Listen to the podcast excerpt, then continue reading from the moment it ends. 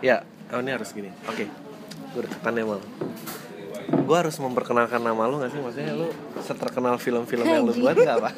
Apa enggak? Apa apa udah ngomong Hah? anjing. Apa apa udah ngomong anjing? Gak apa, bebas. Ini bebas, ini swearing boleh. Oh swearing boleh ya. Hmm. Gue sebenarnya paling gak suka diwawancara gini karena gue tuh gak suka dengar suara gue sendiri.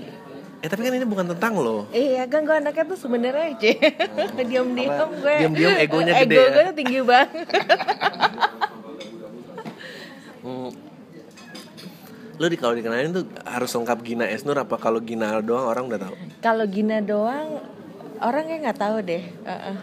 eh ya, ya gue sih langsung gue masih penasaran ya lu gin lu berarti nulis tuh dari kuliah Em, ya dari kuliah dari gue ayat-ayat cinta itu rilis pas gue umur 21-an kali ya. 21 22 lupa gue. Lu panggilan jiwa tuh emang datang lebih cepat dibanding orang-orang lain apa gimana sih ceritanya?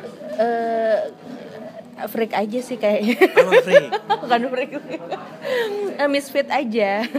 Nggak karena gue maksudnya kita, kita ketemu gue gue happy banget lu datang show gue dan kebetulan karena datang ke show lo. Gue undang ayo dong datang mau nggak datang nih gratis gue kasih. Gila gue ditraktir Nah, karena makan. karena apa karena apa namanya kalau nggak masif paling nggak tamu-tamu penting lah. Itu itu status perlu dikejar. Eh, ya maksudnya akhirnya kita came across di situ eh ya terus gue karena lagi terlibat banyak film layar lebar gitu terus kayak anjir nih dunia film nih dunia yang buat gue asing karena gue gue bukan orang yang cita-citanya gede gin. Gue bukan peraih mimpi seperti kalian-kalian ini. Jadi gue penasaran mindsetnya tuh apa gitu. Raih mimpi ya. SMA waktu SMA tiba-tiba udah oh semua ada akademisi ada apa ada apa tapi lu kayaknya udah mungkin karena gue jadi gue tuh pas kecil eh, gue tinggal di Balikpapan di kompleks Pertamina yang nggak ada tetangga nah, nggak ada temen. Terus kakak-kakak gue tuh sama gue tuh beda tuh belasan tahun. Oke. Nah, oke. terus gue berasa jadi anak tunggal lah. Terus di Balikpapan itu kalau di kompleks Pertamina tuh sepi banget. Hmm. ya akhirnya gue cuma punya TV buku film komik gitu. Hmm. jadi ya udah itu aja hidup gue gitu. Ah. Nah, gitu sih. Jadi SMA di Balikpapan? Gue gue umur 10 tahun pindah ke Jakarta habis oh itu oke 10 tahun uh, di Jakarta. iya. Betul anak Jakarta dong. Ya gue anak Jakarta. Ya nggak ada logatnya kan? Enggak, insecure banget Nggak, sih. lu so, so mau jual tragedi anak dari luar kota, Sabah ibu kota dan wow. Gue tuh paling paling sebelnya kalau saya kayak gue eh, memperkenalkan diri tuh sebelahnya Ipang gitu Irfan Ramli eh, Kenapa penulis Ipang? penulis terada eh penulisnya Cahaya dari Timur filosofi kopi dua Surat dari Praha. Dia tuh kayak epic banget hidupnya gitu. Gu- eh, iya saya ini dulu eh, kok saya, saya dulu oh banyak sejarah hidupnya tuh seru banget kayak gue tuh emang bener-bener kalau gue tuh emang bener-bener emang gue sukanya ya medium itu gitu buku gue tuh lagi mau bikin kaos film. gue mau bikin kaos karena menurut gue rahasia dari mencapai kesuksesan dan eh, bikin orang cepet naksir sama lo adalah jual derita kejar passion jual derita kejar, passion. itu adalah kunci nah gue yakin Ipang gerandurnya pakai rumus itu ya kan masa kecil gue yang me, me, me, me, me, me, gitu kan nah, Galak. sedangkan lu nggak ah, lu baik aja. Gitu. Nggak pang bercanda pang. Ipang belum pernah lo gue interview ini gue harus interview nih. Ah, tapi tapi kan gini gue gue tuh dari dunia periklanan. Eh, menebak se- sebetulnya pekerjaannya sama sama-sama menebak Indonesia tuh kayak apa gitu. Nah, lu pas pertama kali mulai nulis film dan mencapai box office itu lu udah tahu Indonesia maunya apa? Apa emang gimana sih maksudnya? Frameworknya? Apa kalau gue itu tuh kalau gue sih gue ngerasa apa yang gue Eh by the way lu boleh nanya ya. Lu kalau di penasaran tentang stand up kita ngobrol aja. Uh, Lu karena ditodong gini jadi lain ya langsung. Sorry sorry sorry. Eh, gue tuh gue tuh selalu penasaran.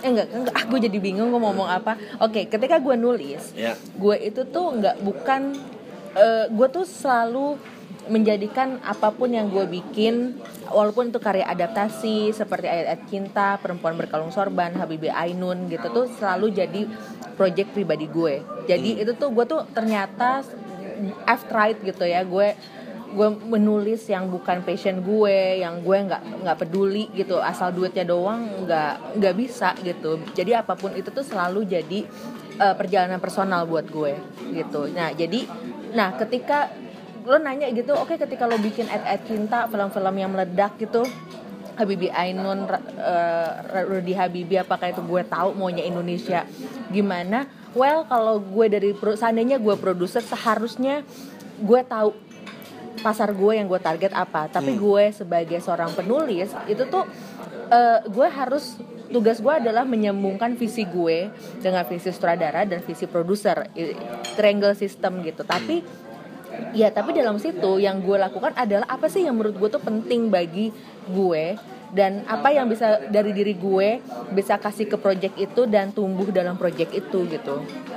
Jadi itu setiap jadi walaupun box office kayak mau laku kayak mau enggak kayak setiap film gue tuh pasti itu tuh ada bagian dari diri gue sih. Itu tuh yang uh, mungkin bagi orang oh asal adaptasi asal enggak sih. Itu tuh gue gue suka apa yang gue bikin. Gue melihatnya dari sudut A yang alhamdulillah gue bersyukur gitu ke pas banget gitu. Chemistry dan uh, gimana cara marketingnya dan lain-lain. Nah, akhirnya tuh ya nyambung lu, aja sih. lu lu bernegosiasi dengan diri lo itu gimana? Dengan uh, eh, PH-PH yang cara bekerjanya atau cara promosinya cara menargetkan audiensnya tuh berbeda uh, lu orangnya eh ya udah gua, gua misalnya berbeda tuh misalnya gimana? let's say lu aim script itu harus level sophisticationnya A gitu sementara mm -hmm. nanti ini akan dianggap film yeah. re dikotominya receh atau apa lu itu lepas saja apa emang? Ya, itu resiko dari kolaborasi deh sih. Masa yeah. ketika lo berkolab jadi gini ketika bedanya stand up gitu nama film biar ada stand up stand upnya ya. Enggak ya kita terusin. gue enggak, enggak, terusin. iya ketika stand up itu maksudnya yang gue yang lo bilang dari bahwa ketika stand up kan lo langsung dari dalam pikiran lo perjalanan langsung ke audiens kan hmm. gitu. Nah film itu tuh dinamika banyak orang gitu kolaborasi banyak hmm. orang. Jadi ketika gue uh, menyerahkan skenario gue ke sutradara gitu uh, itu kan dia akan berkembang menjadi sesuatu yang lain. Ya film tuh di, ibaratnya film tuh ditulis tiga kali. Ada uh, ketika di skenario ketika syuting dan ketika editing gitu. Bahkan ketika ketika audio pun post audio gitu ya itu tuh di situ proses penulisannya terus menerus gitu. Sampai akhirnya uh, ada ditayangkan ke penonton dan bahkan penonton pun tuh bisa mengapresiasi dan hmm. ngetritnya beda-beda. Jadi film itu tuh nggak pernah selesai gitu. Tapi lo nggak ada kegontokan? Iya pasti lu mesti pasti ada ya? Iya pasti, pasti. ada lah. Itu nggak mungkin nggak ada. Nggak semua gue nggak nggak su, suka semua hasilnya. Tapi gue menghargai prosesnya. Ya iya itu emang eh, sebetulnya kalau ditarik lebih besar tuh itu emang konsekuensi profesionalisme aja sih menurut gue profesionalisme iya. yang melibatkan kebetulan melibatkan uh -uh. hati sama visi lo kalau lu bilang tadi stand up sama itu sebetulnya stand up nggak kayak gitu. Lu ngeliat karena gue aja yang nggak populer. Maksudnya kalau gue gede banget ya maksudnya kalau gue gede banget kalau gue punya penonton sebesar ayat-ayat cinta gue nggak mungkin ngomong apa yang gue omongin. Nggak mungkin lah. Mau digebukin eh, orang. nah itu tuh menarik gitu. Maksudnya ngomongin soal self censorship gitu kan. apakah maksudnya kayak gue tuh kemarin tuh gue ngobrol gitu sama seorang rekan stradara rekan stradara rekan stradara gitu uh, dia Yandi tuh Lawrence ya dia udah jadi tamu bukannya di Lawrence oh, bukan, ya? bukan. sutradara bukan Yandi doang kalau oke okay. view gue masih baru di dunia ini dia tau ya Visinema doang ya nongkrong di sana gue tau insan perfilman cuma ini uh, jadi tuh ada film dokumenter judulnya Potongan. Hmm. Itu tuh uh, uh, gimana uh, dokumenter oleh Hairunisa atau Ilun namanya. Uh, dia itu tuh jadi dokumenter ini tuh membahas bagaimana sensor di Indonesia. Hmm. Dalam hal ini mereka mengikuti perjalanan film Babi Buta, Babi Buta yang ingin terbang gitu. Oh. Nah, terus kasih. Nah, terus yang Iya. Nasi gorengnya udah datang. Boleh makan, nggak apa-apa. Nah, jadi tuh um, ya, diskusi yang menarik dalam film itu adalah apa apa yang terjadi ketika lo hidup di sebuah negara yang sensornya nggak jelas gitu. Beda kalau sama Iran kan sensornya jelas banget gitu. Nah kalau ini kita tuh ketat ya tapi jelas gitu. Uh, ketat tapi jelas lo paham gitu kotak lo di sini tuh kan ya lo nggak tahu gitu sensornya. Nah self censorshipnya tuh ada di mana gitu. Itu yang buruknya adalah setiap setiap kreator jadi menyensor dirinya sendiri gitu. Nah kan permasalahannya kan adalah ketika yang terjadi sekarang apa apakah lo sebagai kreator lo sedang menyensor diri lo atau sedang ya emang gue meng, gue membuat ini karena gue tahu siapa yang gue tuju gitu. Oh, Maksudnya ketika lo apakah ketika lo laku berarti lo menyensor diri lo harus menyensor diri lo. oh, oke. Misalnya Eh. kayak Christopher Nolan kayak gue nggak kayak gitu deh. kayak Nolan doang kayak. Hmm, tapi kan susah maksudnya apa ya? Terus apakah karya laku berarti sama dengan lo melakukan eh, apa? banyak kompromi gitu atau apa? Menurut gua iya loh. Eh, Oh ya? karena gini keidealisan yang laku tuh menurut gue sebuah luxury dan gak semua orang bisa kejar dan sebuah kebetulan menurut gue dua gue percaya kalau masalah censorship gue percaya men-challenge gini itu perlu ada kalau memang necessarily harus ada Oh my god. jadi maksudnya gini kayak Jadi Adri mendukung sensor gitu? Enggak, enggak gini. Maksudnya harus bukan sensornya harus misalnya gue berkata buruk, gue swearing atau gue membahas topik yang jelek. Nah, topik itu menurut gue insist biar nggak disensor misalnya. Itu harus ada reasonnya. Kalau tidak ada itu itu merusak apa yang sangat vital. Misalnya apa topik yang jelek tuh apa gitu? Misalnya lo membahas oh misalnya gini deh. Ada dulu contoh kasus eh eh, sitkomnya Seinfeld. Uh-uh. Episode yang paling memorable menurut gue adalah eh, Kingdom of My Domain. Uh-uh. Lo tau nggak episodenya yang ngebahas apa? Apa? Ngebahas tentang mereka berempat taruhan siapa yang bisa paling lama tahan-tahanan nggak masturbasi. Mm-mm. Terus? Ya, tapi tapi mereka sebetulnya it's easier kalau mereka bisa execute dan dengan ngomong masturbasi. Tapi waktu itu sama pihak sensor nggak boleh. Mm-mm. Lo nggak boleh masturbate, lo nggak boleh ngomong jerk off, lo nggak boleh apa. Itu ada. Tapi dia ngerasa esensi pentingnya itu bukan ngomong itu. Esensi pentingnya adalah topik. Akhirnya mereka mencari jalan putar untuk menyebutkan itu menjadi master of my domain. Jadi Ah, se- oke. setiap episode jalannya dengan kode-kodean aja dan itu menjadi edit value joke-nya. Oke oke. Meaning dia tetap compromise, tapi dia ada, ada uh, nilai prime-nya yang nggak dia compromise. Itu sih, gue percaya. Jadi kalau mau disensor pun nggak apa-apa disensor. Misalnya kalau lo ngotot misalnya nggak harus nyebut kata masturbasi. Ya apa definisi? Maksudnya kenapa lo ngotot itu harus ada? Apa yang membuat Tapi- itu vital tidak disebutkan? Tapi maksudnya kayak kadang-kadang absurd ya maksudnya ketika lo kreator tapi lo you still believe in censorship gitu kan lo mencipta satu membatasi gitu Iya betul kayak oksimoron tapi gue percaya ya nggak tahu sih ini naif sih. Mungkin ide ide kuat tetap menjadi ide kuat. Feeling gue sih. Nah akhirnya udah kayak duduk di meja gitu. So lu gimana? Ya still your master of your domain? Ya gue. Terus ada anjing gue udah nyerah men dua hari gitu kayak. Like and then to process the idea of kayak dia merah lu bayangin maksudnya gue nggak kebayang proses dari ide itu keluar di eh, lagi meeting writer semua ketawa bawa itu ke board ditolak diajuin lagi ditolak diajuin maksudnya tapi tapi yang menarik dari situ proses itu bisa terjadi ketika batasannya jelas ya kan? Iya, iya, itu iya. tuh sama aja kayak Iran sensornya tinggi banget ketat banget tapi mereka bisa menghasilkan film-film ya pemenang Oscar gitu masukkan gitu. Tapi tapi jelas lo harus jelas dulu batasannya. Lo kalau menurut gue ketika lo tuh oh self censoring gitu ya? self sensoring itu batasannya apa? Ya, benar censorship sekarang batasannya apa? Lo jadi akhirnya ya mandek gitu. Ketika kalau gue sih kemarahan sosial media aja alasannya cetek gini. Ini netizen.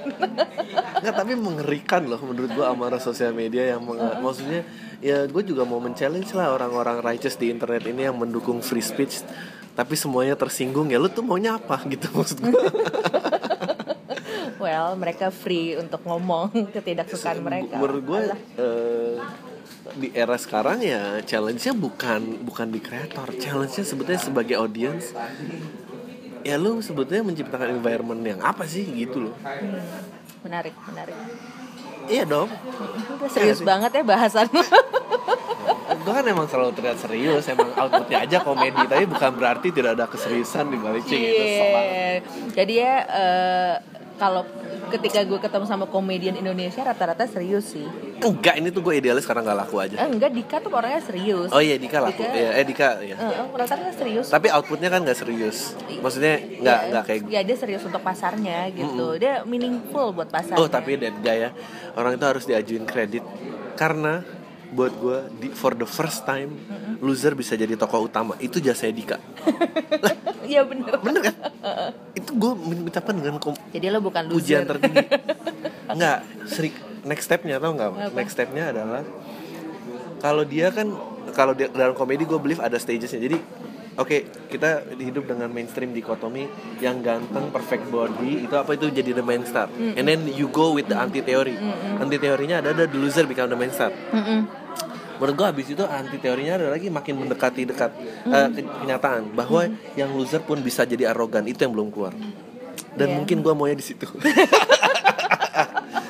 Bahwa bahwa hatred tuh arogan Basic. tuh asshole nggak dia suka cowok asshole. Cowok sih? Nggak, tapi tapi maksud gue tapi maksud gue eh, eh, itu nanti challenge yang nanti eh, ada sifat yang berjal berlawanan dengan bentuk fisiknya. Jadi bisa aja confident fat girl. Nah itu harus bisa keluar. Ya kayak Fat Emmy di ini kan? Iya betul exactly. Eh, eh, Pitch Perfect. It- eh gue tuh suka it- banget itu yang ini. belum keluar menurut gue siapa? Si American Splendor. Ah. itu kan gitu banget dia loser tapi eh apa lo boleh gitu. sambil nyuap ma- makan kasihan lo. Udah aduh, aduh, aduh. gue aja yang mengisi di sela-sela lagi nyuap. Oh gue pengen nanya ini gitu Uh, when did things become real buat lo? Kayak wow gue actually penulis film layar lebar yang berhasil. Maksudnya su- sukses pernah overwhelm diri lo nggak? Gue itu apa ya butuh waktu lama buat gue untuk sadar bahwa resiko dari film ada hasilnya nggak sesuai seperti yang gue mau. Gue tuh jadi tuh untuk karir gue tuh sekitar 10, 11 12 tahun nih sekarang film gue tuh ya rata-rata ya setahun satu sih bukan yang tiga tahun ada 15 film gitu. Sebenarnya jadi gue agak piki-piki juga agak piki-piki agak milih-milih juga. Wow hebat. Ya ada masa ketika gue milih untuk ya udahlah gue eh, break dulu lah dari film gitu karena gue ngerasa apakah ini yang gue mau tanggung jawabnya dan sebagainya sedap Heeh. orang mah nulis aja gue aduh, terlalu aduh, overthinking gue sebenarnya Enggak, tapi itu memang uh, uh, gue bukan yang sok wise itu keraguan yang dialami oleh semua pekerja seni menurut gue. Mm-mm. Tapi gue belajar juga ternyata solusinya itu cuma lo doang yang peduli men. Bahwa nobody care as much as you. Jadi why you should still care sih pertanyaannya gitu. Gue dulu juga pernah gitu di mana pengalaman gak lucu tuh begitu menyakitkan gitu. Tapi setelah gue pikir siapa sih yang pulang habis nonton gue dan mikirin spend 2 jam dalam hidupnya mikirin si Adri tuh tadi nggak lucu banget. Nobody. Jadi habis itu gue kayak ayo udah gitu. Ya, makanya makanya ide podcast ini keluar karena ini buat membiasakan gue untuk sering tidak lucu. Iya Maksudnya untuk buang-buang peluru-peluru aja ya udah Iya, gitu dan nggak menurut lucu. gue tuh penting loh untuk kita menghargai proses gagal gitu. Iya. Karena ketika kita, nah itu tuh maksud gue, gue gue kemarin bilang gitu ke teman-teman gue, teman-teman penulis yang dulu gue nggak punya dan seandainya gue lebih cepat punya adalah menghargai proses dan em, kegagalan itu sendiri gitu. Kadang-kadang ketika lo ngeliat film, udah lo capek-capek, berbelas draft, berpuluh draft, bertahun-tahun gitu, jadi gitu terus nggak sesuai sama ide sama apa yang lo harapkan ekspektasi gue. Kecewa. Dan lo ngelihatnya tuh akhirnya tuh nilainya tuh cuman eh, hasilnya aja bahwa filmnya tuh nggak sesuai dengan apa yang gue mau gitu. Iya itu kan anjir ego lu gede banget lu perlu dicek sih. gue tadi maksudnya mau menyambung dengan sesuatu yang bisa Terus akhirnya gimana akhirnya? akhirnya yang gue lakukan sekarang adalah gue membiasakan diri membuat catatan terhadap proses itu sendiri. Oh. apa sih yang mau gue bikin statement apa yang eh, perlu gue sampaikan gitu.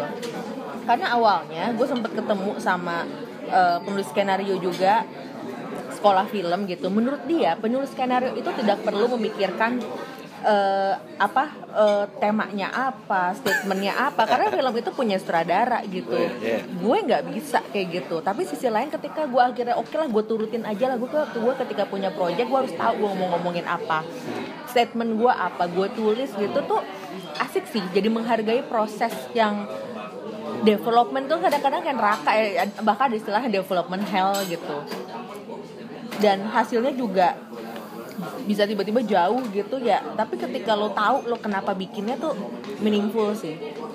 Ya gue sih ngeliatnya memang ada dua grup yang terpisah antara eh, pembuat karya sama orang yang sering one night stand. Ngerti gak sih lo? Pem- ada dua orang ada dua grup orang yang berbeda gitu antara pembuat karya sama orang yang sering one night stand. Orang one night stand tuh figure out di otaknya bahwa gue nggak perlu ada attachment lebih. Nah sayangnya orang-orang yang don't care ini nggak berkarya. Nah mungkin orang-orang yang sering berkarya belum tentu dia mengalami. Tapi lo tahu nggak? Cik gitu. Ada, Ada- siapa penulis ada. yang sering one night stand itu kira. tahu nggak? Ada istilah one night stand depression oh iya iya, ada. Ada betul betul betul. Itu Lo pernah ngecek ya?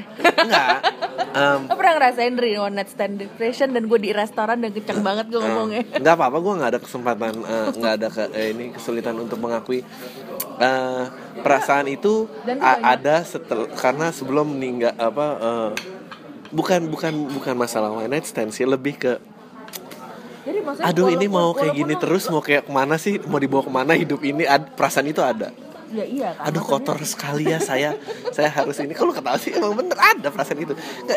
Permasalahan jadi lelaki adalah kenapa laki itu cepat mati? Karena perasaan-perasaan yang gini nggak dikasih keluar tau gak lo?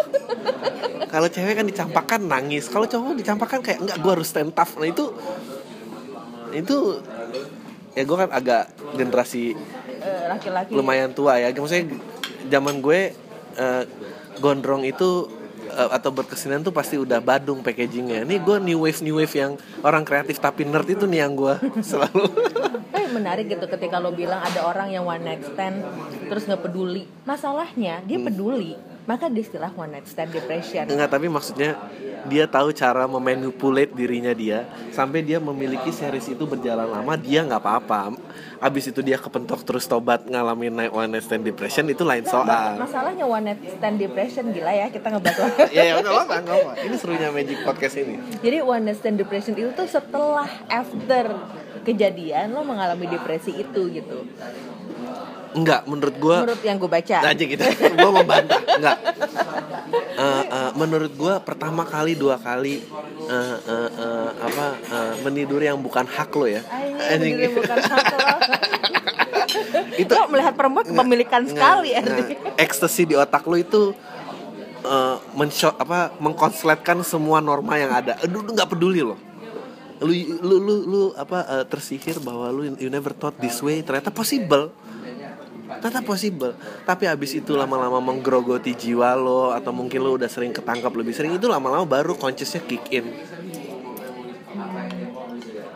Makanya gue salut sama orang-orang yang eh, kayak tua-tua keladi itu. Gue gue salut karena kayak anjing lu kok lu bisa men- menahan itu lama tuh kok bisa gitu.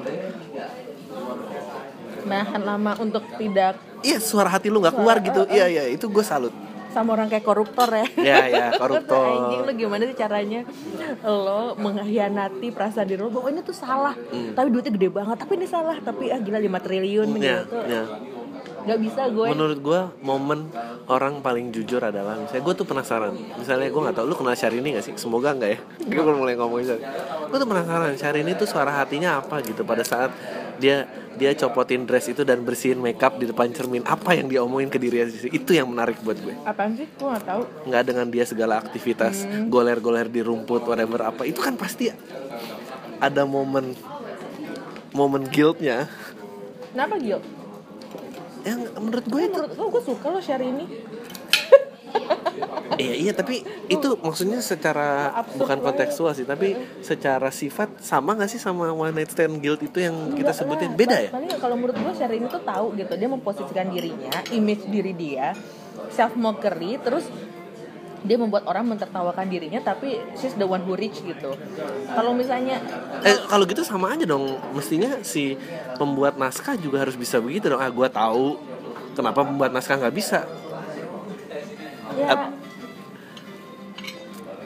apa Kalau- lo kalau- bilang kalau apa lo gue- bilang pembuat naskah lebih nobel lah daripada Nggak, Edgar nggak, ya karena gue serius banget kenapa lo ya Karena kalau menurut gue tuh kan film itu tuh produk budaya gitu. Film TV itu produk budaya yang Wow. harus di harus serius gitu ditanggepinnya gitu. Jadi apa pun yang lo bikin itu ada sumbangan lo untuk ke masyarakat tuh gimana ada tanggung jawab profesional.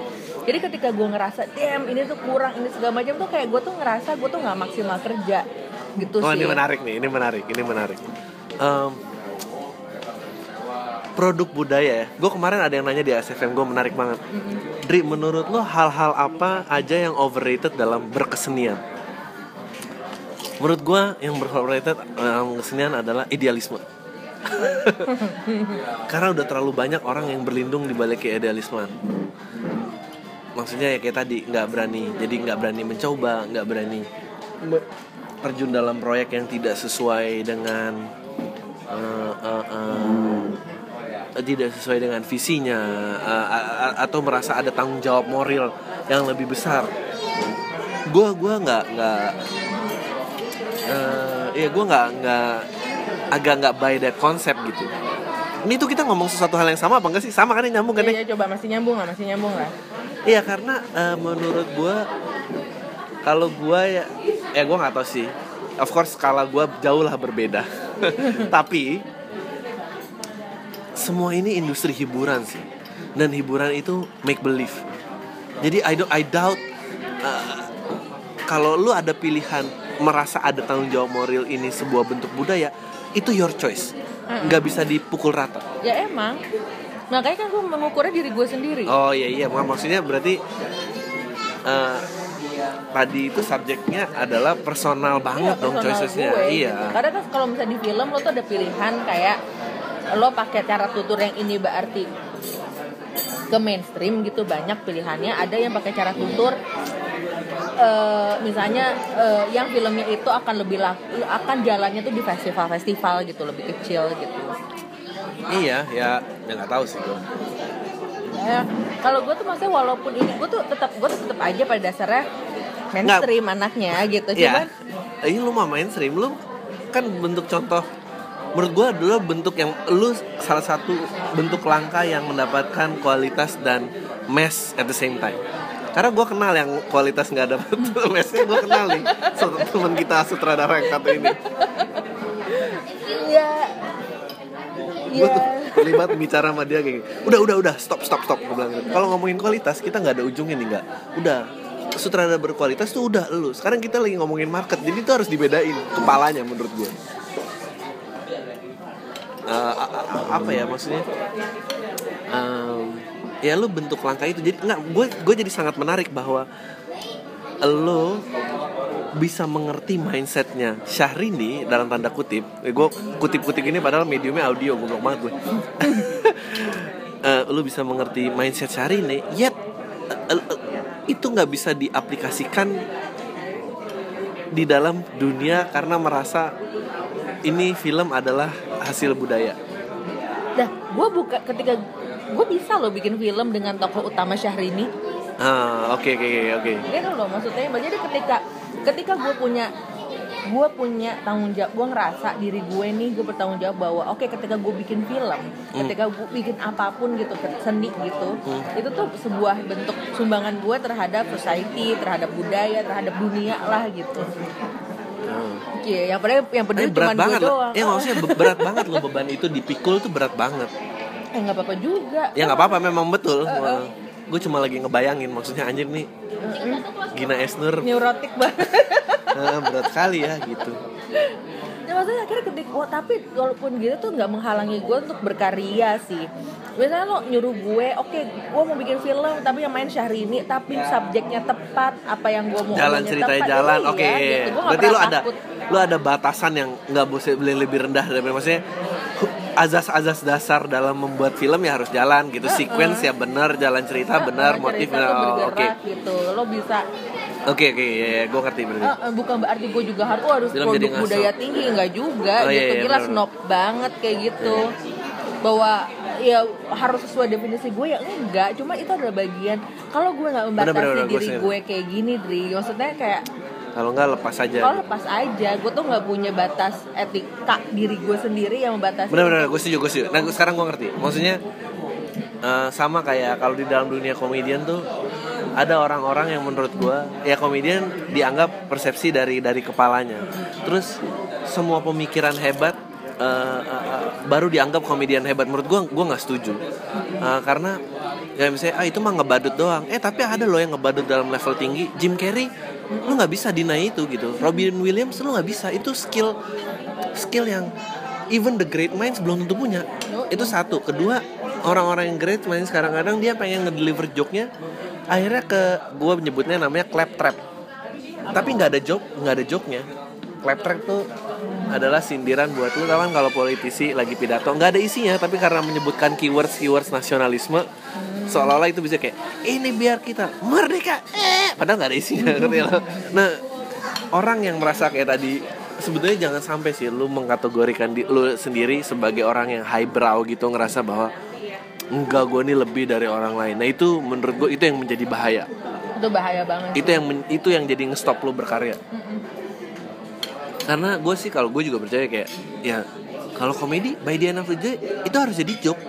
By the end of the day lu nggak bisa gitu bilang bahwa ini sebuah sabda kebenaran. Ya lu kuliah aja bikin tesis gitu. Maksud gue lu lain nih jangan di sini gitu. Mau nanti joke lu membawa sebuah kebenaran nah itu personal choice lu gitu sih. Iya. Eh gue jadi ngerti. Oke oke, kita sepaham lagi. Sih gitu. Itu kita cocok banget sih. Lu gue karena gue udah traktir kali ya jadi cocok gini Astaga. Jadi sebetulnya modal eh, kas dari podcast awal minggu adalah itu traktir tamu aja.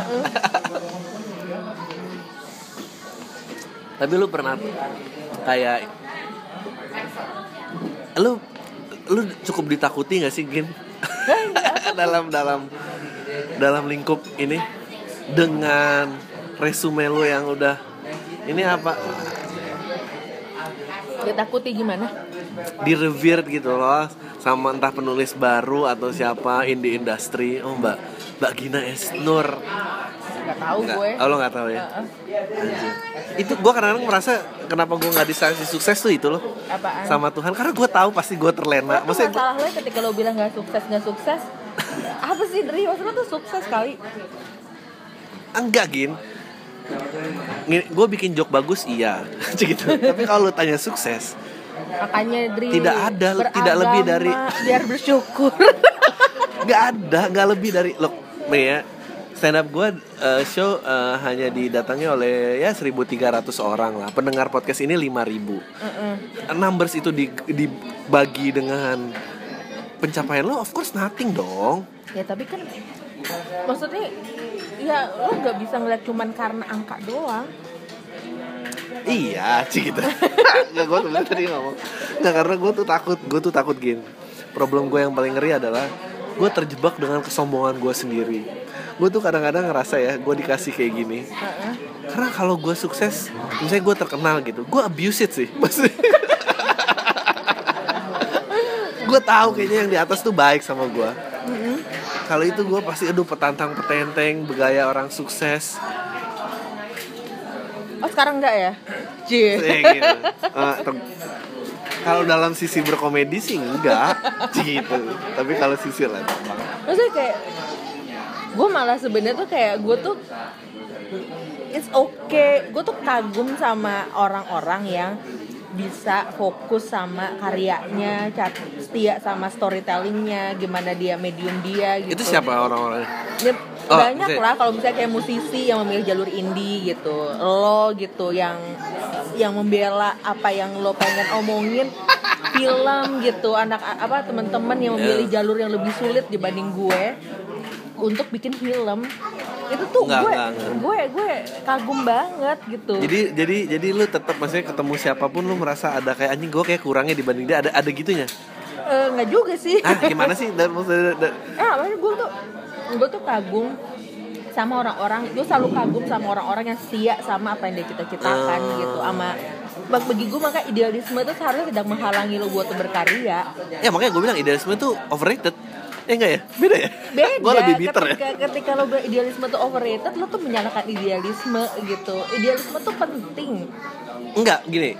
Idealisme menurut gue jadi salah pada saat pada saat ada orang yang menghasilkan sesuatu dia nggak terima bahwa eh, bahwa karyanya dia nggak diterima orang lain itu yang gue sebel dan kita sering banget dengar orang-orang itu ngomong misalnya misalnya musisi misalnya musisi indie yang menggerutu bahwa dia skillnya lebih oke. Tapi ada orang yang skillnya nggak segitu dia diterima lebih banyak. Itu yang menurut gue idealisme jadi salah. Ya lu juga jangan bikin musik kayak gitu dong gimana sih? Lu ini bukan cuma tentang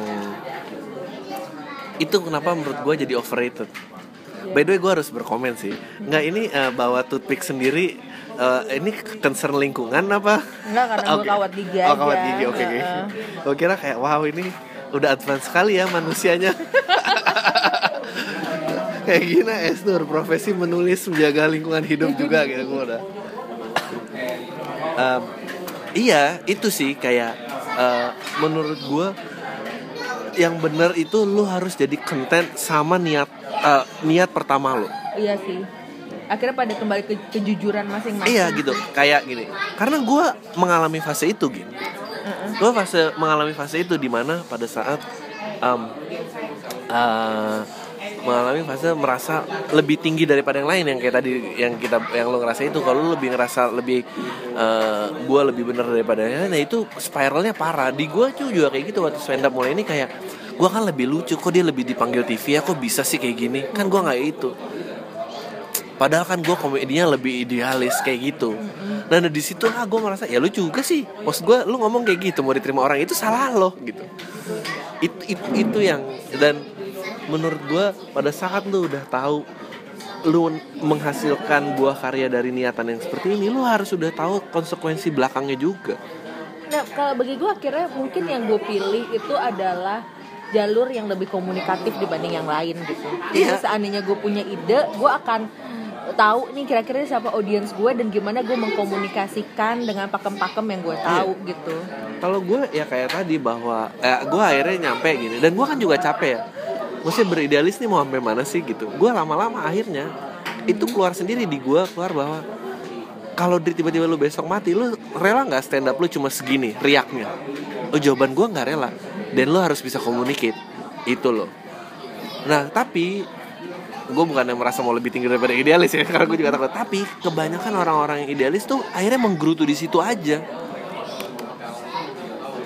nggak ngomongin tentang market ya lu selama selama tidak ngomongin tentang market ya lu nggak bisa gitu aja sih menurut gue tapi ada juga loh orang yang beridealis dan konten ya gue udah nggak apa-apa gue gini yang penting keadilan sinema bisa diperjuangkan gitu Sinema. nah kan kita kenal kan orangnya ada juga ya udah nggak apa-apa Iya, gitu gue tuh gue tuh kagum sama orang-orang kayak gitu. Oh iya, gua juga, gitu. gua juga, Biasanya juga. kayak ya gue kagum sama lo cie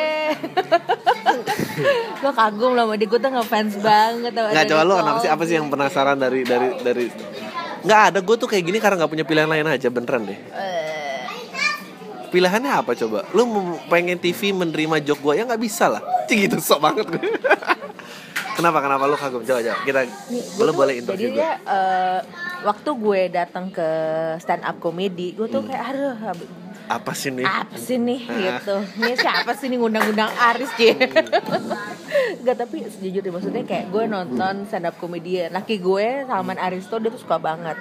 Eh, si apa namanya stand up comedy gitu. Terus eh, terus gue nonton lah gue ikut ikutan nonton lah sama dia. Otomatis juga apa yang standar gue naik lah. Terus ketika gue nonton lo gitu ya gue gue tuh ya gue track banget sih sama apa yang lo bahan jokes lo itu gitu. Maksudnya kita tuh well written terus berani banget. Ya tapi kan gini loh. Maksudnya gue bukan eh terima kasih atas pujian gue harus belajar mulai berterima kasih nih atas kredit orang. Tapi gue tuh berani karena eh a- a- apa satu crowdnya kecil. Eh 1300 loh. Ya itu maksudnya dibanding misalnya gue nggak berani seceplas ceplos itu kalau misalnya fame gue di Uus atau di Ernest ngerti gak sih? Heeh. yang feedbacknya gede banget kayak gitu. Itu satu. Kedua mungkin fase gua menjadi istilahnya seniman ini berbalik soalnya. Ya gue sih sering cerita kalau bahwa gue tuh tumbuh ya gue kerja. Heeh. gue kuliah gue waktu itu punya pacar udah lima tahun terus gue lulus cepet. Mm-mm. dia waktu itu calon.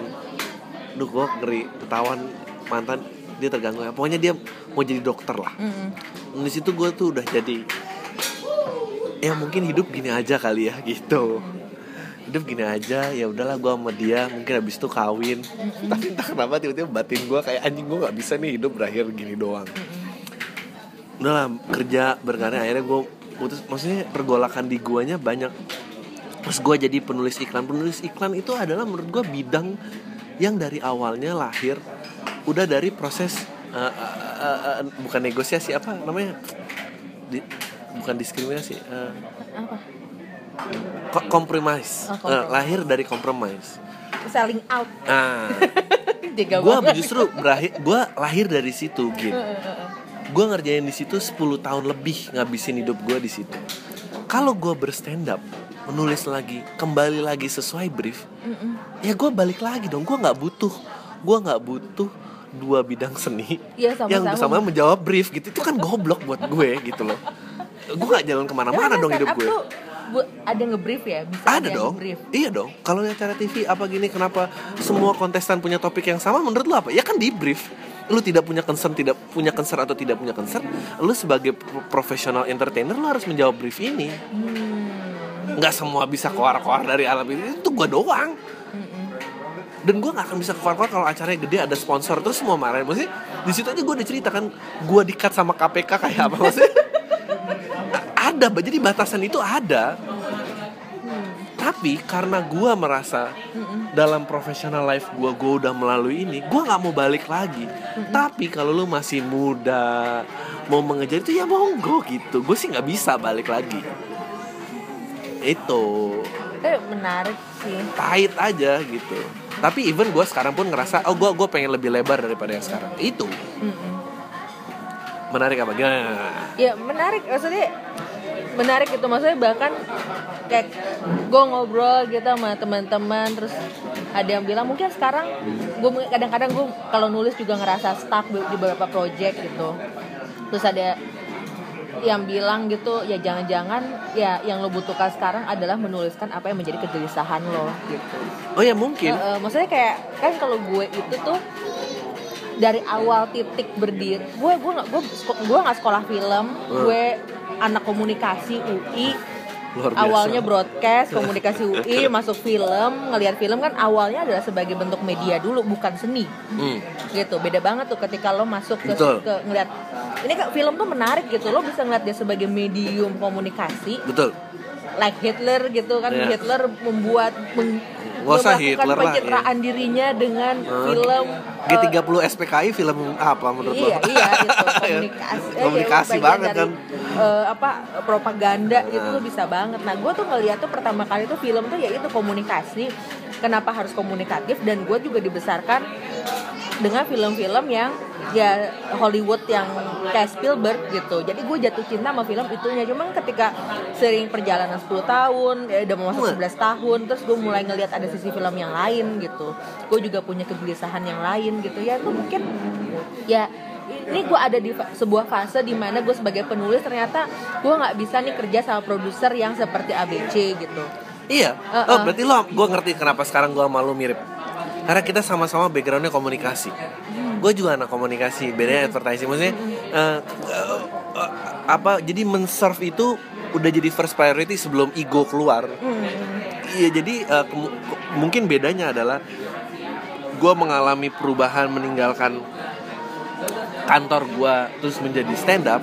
Lo belum mengambil itu. Iya, jadi karena karir gue itu ya iya penulis skenario mainstream ini gitu. Sekarang yang gue coba adalah gue mau jadi produser nih.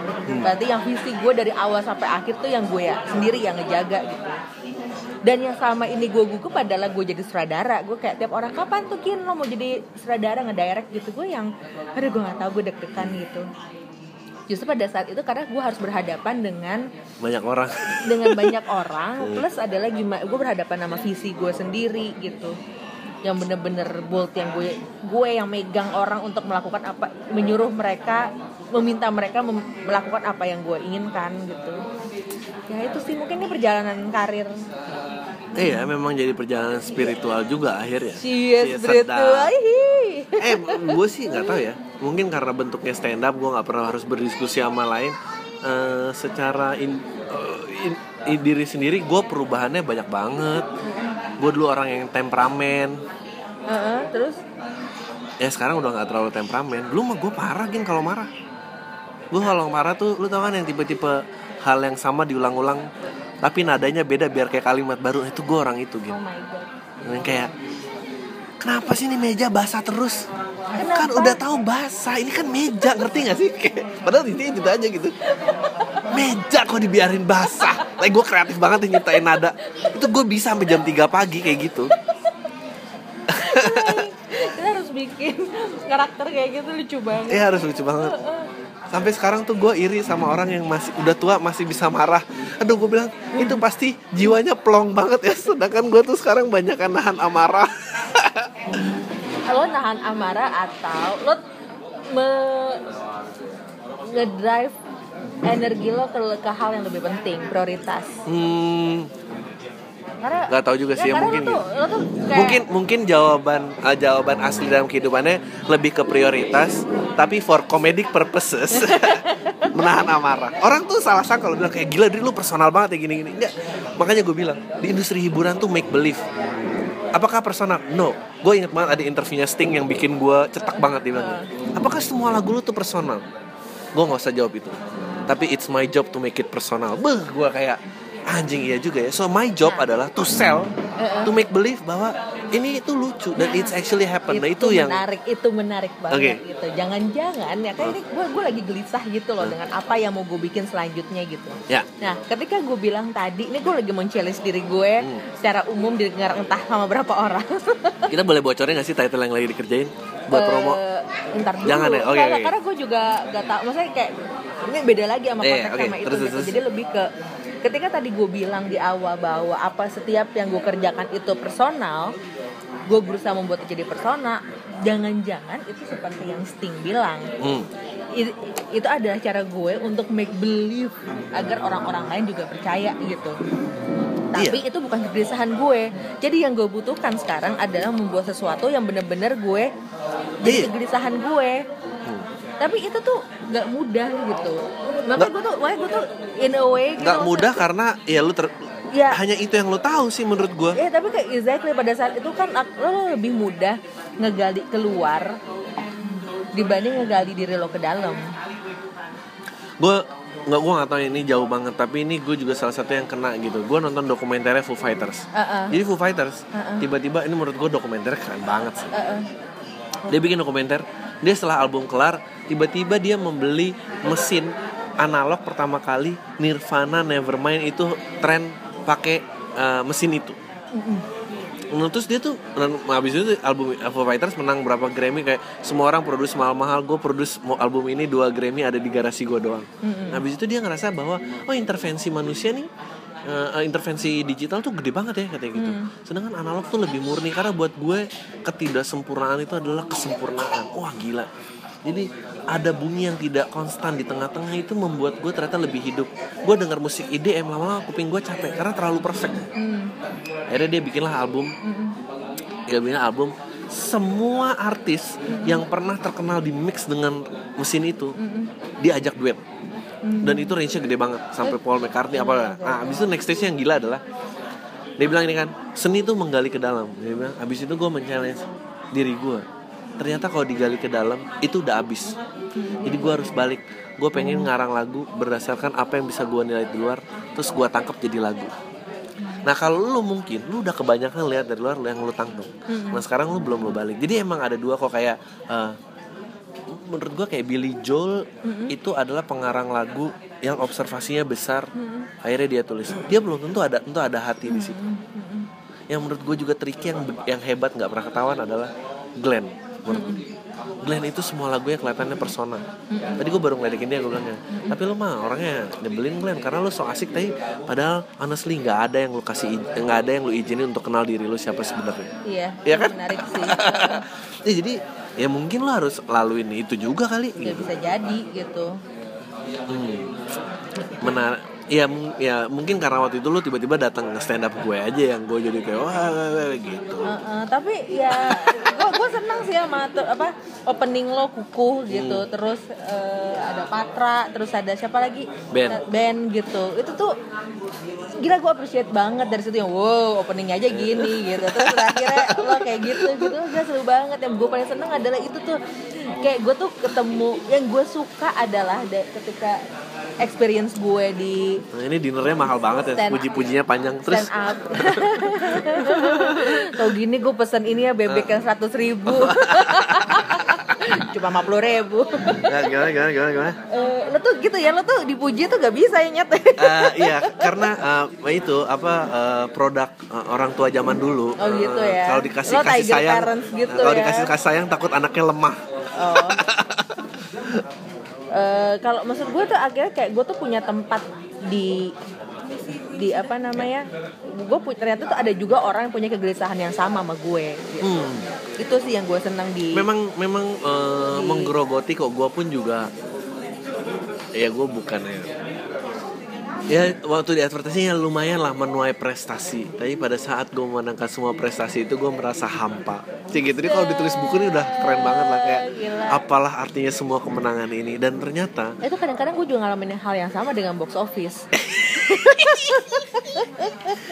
Adri nih impactnya terhadap Gila. pembuat ya. karya lain ternyata kan karena gitu juga maksudnya kayak oh, oh Gina hebat nih ada berapa juta berapa juta gitu. Terus ada orang yang Gina makasih ya gila kalau filmnya tuh begini gini gini terus gue sisi lain tuh kayak eh, oke gitu. Bukan gue nggak bersyukur tapi Iya, maka iya. itu kan jebakannya kan apakah itu gue nggak bersyukur apakah itu gue yang Enggak sih, ya gitu gue overthinking gue nggak bisa enjoy apakah karena cuman karena ekspektasinya nggak sesuai dengan harapan gue jadi gue menghapus semua apa yang udah gue lakukan itu tuh trikinya sih gitu.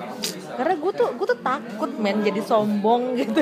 Ya ya benar. Gue juga tak maksud- nah, ya, eh, menurut gue ya itu sih ya Apa- fase apa tuh eh, apakah umur- ketakutan lo menjadi sombong membuat lo menjadi sombong gitu Iya, gila iya, kayak iya, gila lo iya, iya, snob benar. banget lo Benar, gitu benar, benar, kayak cuman ya cuman kayak nothing gitu tuh kayak fuck juga sih boleh ngomong fuck kan boleh boleh ini nggak ada sensor ini diedit gak sih Enggak, non edit kayak gini. Gila, jadi kan ada anak nangis, kita Iya, ada cuek aja. eh, cuek aja ya. Pemalas atau cuek? Enggak, karena gini. effort yang dibesarkan itu tidak eh, sebanding lurus dengan audiens yang mendengarkan. Oh, Jadi buat apa? Maksudnya gue bikin channel gratis aja Hmm. biaya langganannya satu setengah juta per tahun terus gue dapat apa terus mau bayar editor lagi boncos banyak dong saya tapi gue tapi gue seidealis idealisnya gue percaya itu nggak boleh tidak ada usaha yang merugi nggak boleh Mm-mm. Maksudnya gak boleh ada usaha yang merugi kalau merugi ya stop jangan jalanin. Persetan lah demi idealisme lo. Maksudnya kalau rugi ya jangan dilakuin dong gitu. Even idealisme aja tuh ada ruang kompromis ya menurut gue sih itu. Kalau Van Gogh mikir kayak lo ya. nggak bisa. Gue gue tuh yakin. Apalagi bentuknya film nggak mungkin lah. Film tuh udah terlalu kompleks udah terlalu banyak melibatkan banyak orang. Iya sih. Menurut gue yang punya luxury kayak gitu gini deh lu coba deh ngelukis lu beli kanvas lu 10 kali beli kanvas juga lama-lama mikir ini gue BIP-nya kapan deh gitu loh ya bisa sih. Ya emang bisa bikin kayak gitu sih, mikir kayak gitu. Eng- enggak lah nggak mungkin karena oke sekarang gue tanya sama lo lo kan a mother of two nih Heeh. lebih besar seni apa lebih besar hidup Lebih besar seni atau lebih, Lebih besar hidup. Ya misal maksudnya dalam bayangan apa nih? Maksudnya kayak nggak gini Eh. if kalau lo demi mendapatkan membuat film yang sesuai dengan lo ini ini banyak tapi anak lo terlantar mm-mm. lo re- akan ambil itu nggak itu maksudnya lebih besar seni daripada hidup Nah, ini ada film yang menarik banget. oke Achilles and Tortoa yang bikin tuh Takeshi Kitano. Hmm. Itu film jadi ceritanya ada eh, seniman, ada pelukis, pelukis ini film Jepang pelukis gitu. Yang eh, orang tuanya gantung diri dan akhirnya sejak itu tuh dia akhirnya sejak itu dia akhirnya dan, dan dia dilihat dia tuh berbakat gambar tapi dia tuh selalu miss opportunity untuk dikenal lebih lebih banyak orang gitu. Dan Ya. dia tuh rela melakukan apa aja demi eh, karyanya terhadap terhadap seninya itu dia rela melakukan apa aja gitu. Nah film selesai gue inget banget tuh nonton di GFest sahabat-sahabat gue yang gila ya film ini depresif banget gue nggak suka tapi gue suka banget Ya, ya. karena maksudnya kan itu kan selalu menjadi pertanyaan gitu apakah Betul. ketika lo optimal menjalankan apa yang lo suka you miss out the life atau sebenarnya itu adalah perjalanan dari hidup lo lo tuh justru beruntung karena lo tuh lo itu tuh punya keloyalan kesetiaan untuk bener-bener yang menjadi yang terbaik pada saat itu lo mengapresiasi hidup lo. Wah, gini lu sih ya, saran gue sih eh, hutang terhadap diri lo harus cepet lo laksanakan sih. kenapa? Karena kalau gue ngeliat ngobrol kayak gini aja, gue bisa lihat ini bottling up di lo udah lumayan lama. Sebelum gila ya lo, ini eh, kayak curhat tau ini direkam kata kata Yandi kalau Adri tuh jadi eh, kreatif base nya bukan writer atau art gitu base nya psikolog sialan gue Gila. itu tuh mau menghina gue nggak kreatif apa gimana ya ceritanya? Jadi, Em, jadi gimana? Menurut lo gue bot jadi guys gue kita sekalian biar nggak serius-serius banget gue mau jadi sambil insta stories Insta story. preview podcast awal minggu berikutnya. gila ini nggak? Eh Uh. bodoh. Ini sebenarnya usaha ini denial gue biar gila gue nggak gitu amat lagi mm halo. Halo. Oh ini live apa Enggak oh, kita sorry. nggak live. Nora ya Nora saya. banget. Kan kalau misalnya gue live nggak ada yang nonton Dri gue juga kok.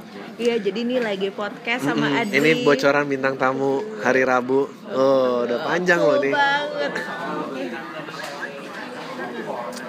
Tapi ya Gin, gue tuh kenapa selalu bertanya tadi kayak "Oh, pernah nggak sih overwhelming kesuksesan buat apa? Karena emang emang fame tuh konsep yang baru buat gue.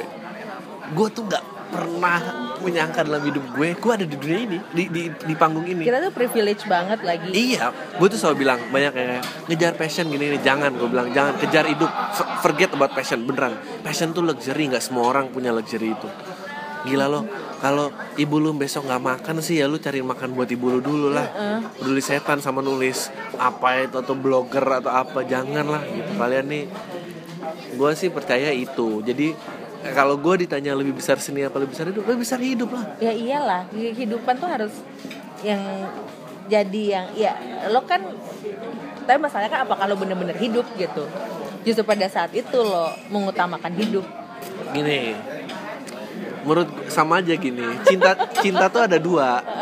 Lu bisa udah naksir duluan baru akhirnya pacaran happy atau emang ya yang deketin dia. Pelan pelan gue mungkin bisa cinta ya gitu. Itu itu bisa juga ya iya ya, jadi nggak apa apa nggak ada hinanya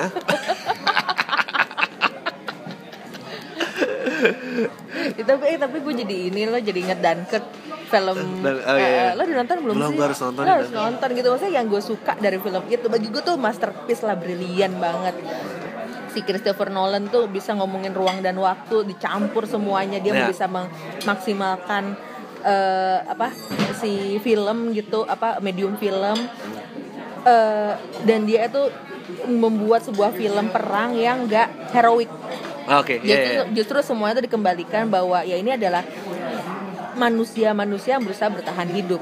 Ya. Jadi sebuah survival gitu ketika ya yang intinya tuh adalah ya untuk bertahan hidup aja tuh udah jadi sebuah kebanggaan gitu. Lo tuh Ya. prestasi Ya, gitu. ya, ya. Heeh. ini nggak tahu ya gue ngerasa em, film mau bagus mau cemen yang memorable ada gue sih merasa eh, ada yang menyentuh azas-azas dasar kehidupan sih Iya. maksudnya Pixar pun menggali filmnya eh, Ya, gue ada juga emotional DreamWorks maksudnya ada gitu. eh, gitu kayak ada pertentangan bahwa anjing apa ya gitu terus jawabannya apa dengan film itu gitu sih Iya. Ya memaknai ya cerita itu kan gunanya itu kan, memaknai kekacauan dalam hidup lo gitu. Bener, bener, Jadi bener, akhirnya bener. menurut gue tuh relatif lah lo bilang film itu bagus atau enggak gitu. Itu ada tugas kritikus lah yang bilang Iya. itu gitu. Atau tugas award, tapi film yang berguna gitu, itu tuh gue minimal gue membuat karya yang berguna deh ada gunanya buat satu orang aja tuh udah udah, Iya. udah beruntung banget gitu kalau gue tuh ya terus ya karena ya bagi gue tuh ya ketika berarti tuh adalah gunanya buat emosi dia untuk memaknai hidup dia gitu connect aja Betul, betul. gitu Heeh. ya kalau gue tuh cuma pokoknya yang penting ya gue tuh nggak masalah mau kayak efek rumah kaca atau boy band. Kalau gue yang penting tuh properly executed.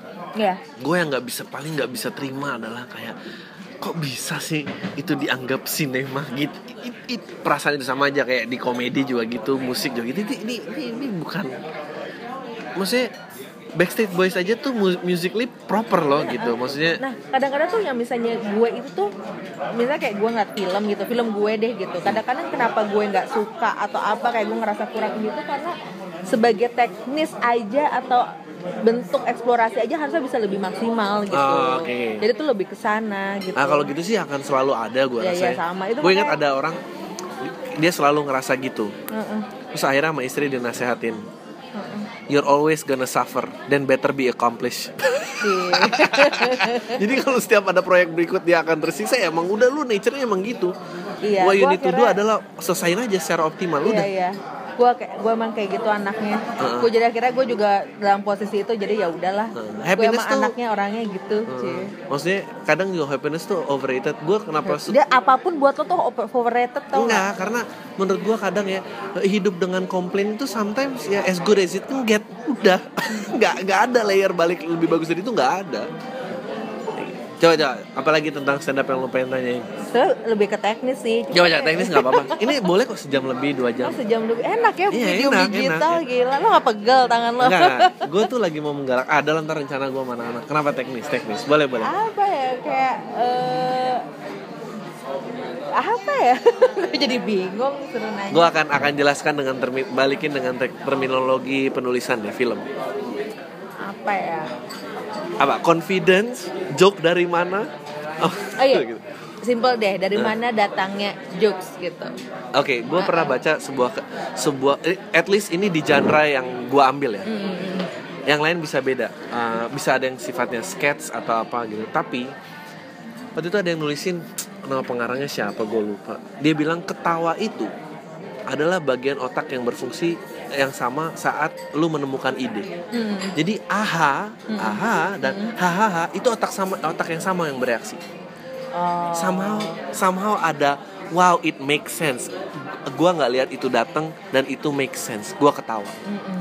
Em, habis itu eh, kenapa tertawa menurut gua semua reaksi yang datang itu karena eh, ada timing surprise Mm-mm. jadi mau lu bentuk sedih Mm. mau lu bentuk lucu mau lu bentuk serem semua itu surprise ada elemen timing yang lu mainin Mm-mm.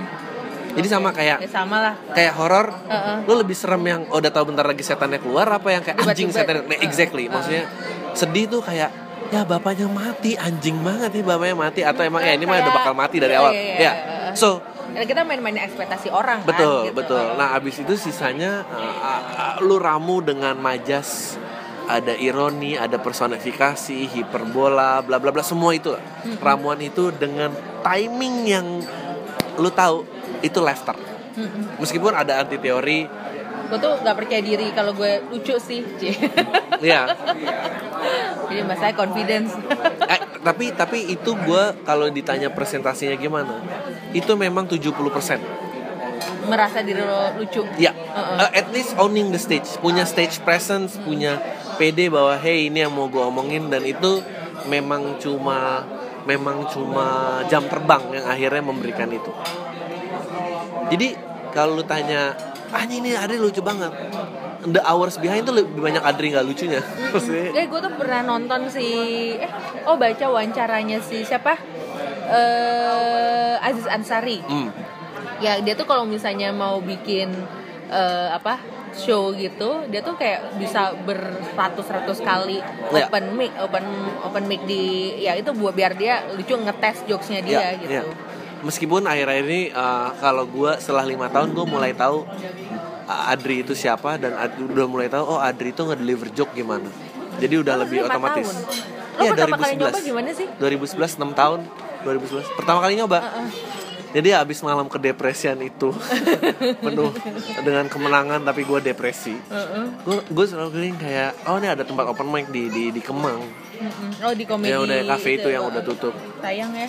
Terus gue kayak anjing gue datang aja kali ya so sebelumnya gue tuh yang lucu adalah yang lucu adalah kalau di gue interview kerja kalau ditanya HRD atau ditanya kreatif director mana apa sih your wildest dream? Somehow gue selalu menjawab saya pengen jadi stand up comedian. Selalu gue dan, dan belum ada dan dan dan buat gue nggak tahu kenapa lucu selalu lebih menarik daripada solemn kayak Radiohead narkobis gitu. Narkoba tapi dianggap keren. Apa karena gua nggak cakep? Maksudnya gua nggak bisa pull that off. Jadi gua immediately itu bukan jalur yang mau gua tempuh jadi silly selalu ada. Habis itu gua ngerasa ah gua mau datang ah open mic ini apa sih? Gitu. Ya udah akhirnya gua datang salah hari.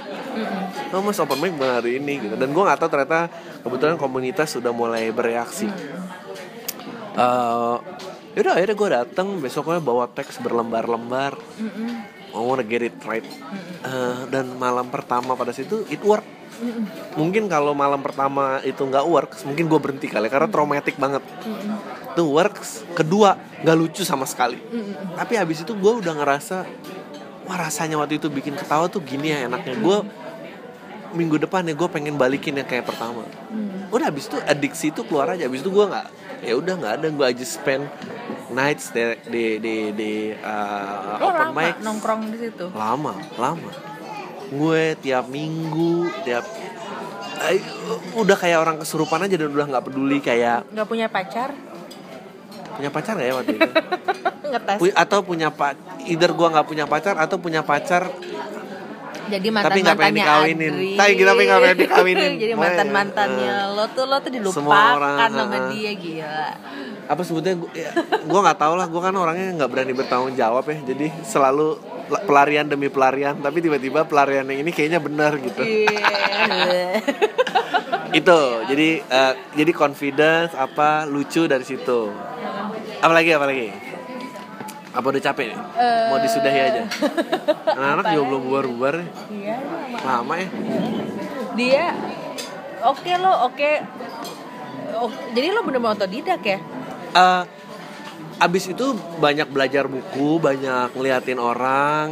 eh, oh ternyata gini, oh ada oh, ada setup premis punchline, basicnya itu, and then oh punchline itu apa ya? Punchline ternyata kalau di breakdown ya majas-majas tadi gitu, comes as a surprise. Eh, abis itu eh, yaudah lihat orang, lihat orang, lihat orang. Gue tahu basic itu, gue akhirnya Oke, jadi kalau seandainya ini gue mau jadi stand up comedian gitu, Ya. yang gue lakukan pertama kali adalah, tulis yang menurut lo lucu. hmm, Itu dulu. oke oke oke, dan coba di depan. Dan abis itu lo ber- bertarung antara lebih besar kepercayaan diri lo bahwa ini lucu, apa lebih besar tekanan dari penonton? Itu yang lo, lo kejar. Sumpah, nggak karena karena banyak gue pertama kali nulis nulis itu ada joke yang akhirnya gue ketemu rumusnya setelah enam bulan. Jadi kayak gue percaya kok konser ini valid banget, gue percaya banget valid. Tapi kok nggak lucu ya brengsek. Besok gue ngomongnya gimana ya? gini nggak lucu juga ini gini sampai enam bulan kemudian ah, tiba-tiba gue mulai dapat ketawa di sini oke ini fondasinya di sini nih. berarti ini salah jalur sini salah jalur sini salah jalur sini salah oke ini gue turun lagi Ah, ada kesakit jiwaan itu sih kayak ya lu tadi makanya egonya jadi besar banget karena harus lebih yakin gue daripada penonton bahwa Iya ini lucu sih. Ah. Heeh. Kayak gue tuh kalau misalnya nulis adegan tuh kalau gue gue nangis atau gue sedih gue marah tuh biasanya lebih berhasil. Itu beda ya gitu ya. Eh, ya ini ini Jadi beda, beda-beda kalau lo kan pasti kan ya lo menguji itu terus Hmm, sampai you make it sampai- right. Kalau gue kan ya gue punya keyakinan itu, gue tulis ada media development terus bergantung sama sama si siapa namanya sutradaranya. Nah cuman yang paling menarik adalah ke, setiap scene yang gue bikin personal yang yang gue rasain gitu emosinya tuh jarang jarang sekali jarang miss gagal. oh ya Uh-uh. berarti lu instingnya bagus banget sih gitu Oh makasih Dri. Ah. insting lu bagus banget gitu sin rakyat ya deh insting masif. Jangan lagi. Kalau lu insecure Aduh gila. Gimana lah nasib-nasib gue ini Yang pengen Mengincar eh, Acceptance yang lebih banyak gitu. Gila. Jadi sebenarnya kita hanya ingin diterima ya. Eh, Kita hanya ingin diterima Dan diapresiasi. Dan apa ya? Um, ya itu sih makanya uh, makanya gini kenapa gue luxury kenapa gue anggap even perjalanan ini pun sebuah kemewahan? Karena karena gue makanya gue selalu bilang gue bisa gini karena ternyata gue nggak diterima oleh banyak orang. So yang bisa gue dengerin cuma gue. Tapi kalau gue diterima banyak orang pasti banyak uh, interupsinya gitu. Oh brand harus kayak gini gini gini. Oh TV ini harus gini gini gini gini.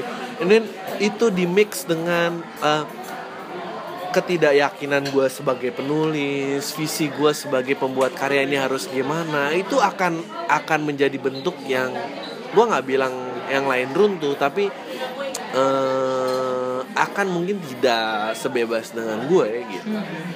Tapi ya of course gue battle waktu itu lain lagi. Begitu battle gue adalah untuk mengikhlaskan. Kayak kalau gue nggak diterima dan gue gini aja ya gue harus content gitu Oke oke. Ini kayaknya enak banget ya buat punchline penutup Punchline podcast ini ya. Boleh. Kalau saya kelamaan nih dragging. eh enggak enggak. Pernah kok ngobrolinnya hampir 2 jam. Eh kita udah mau udahan aja. Mau cabut aja? Gimana? Nih kalau feeling insting gue mendingan. Udahan. Ya udah oke. Ya udah udahan aja. Mungkin kalau masih menarik ya. Kayak menarik ntar ada episode 2 nya ah gue mau gue mau gini kayaknya masih banyak. Gila kita bikin serialize Ah, ah. ya udah itu aja. Tahi lo semua. Deh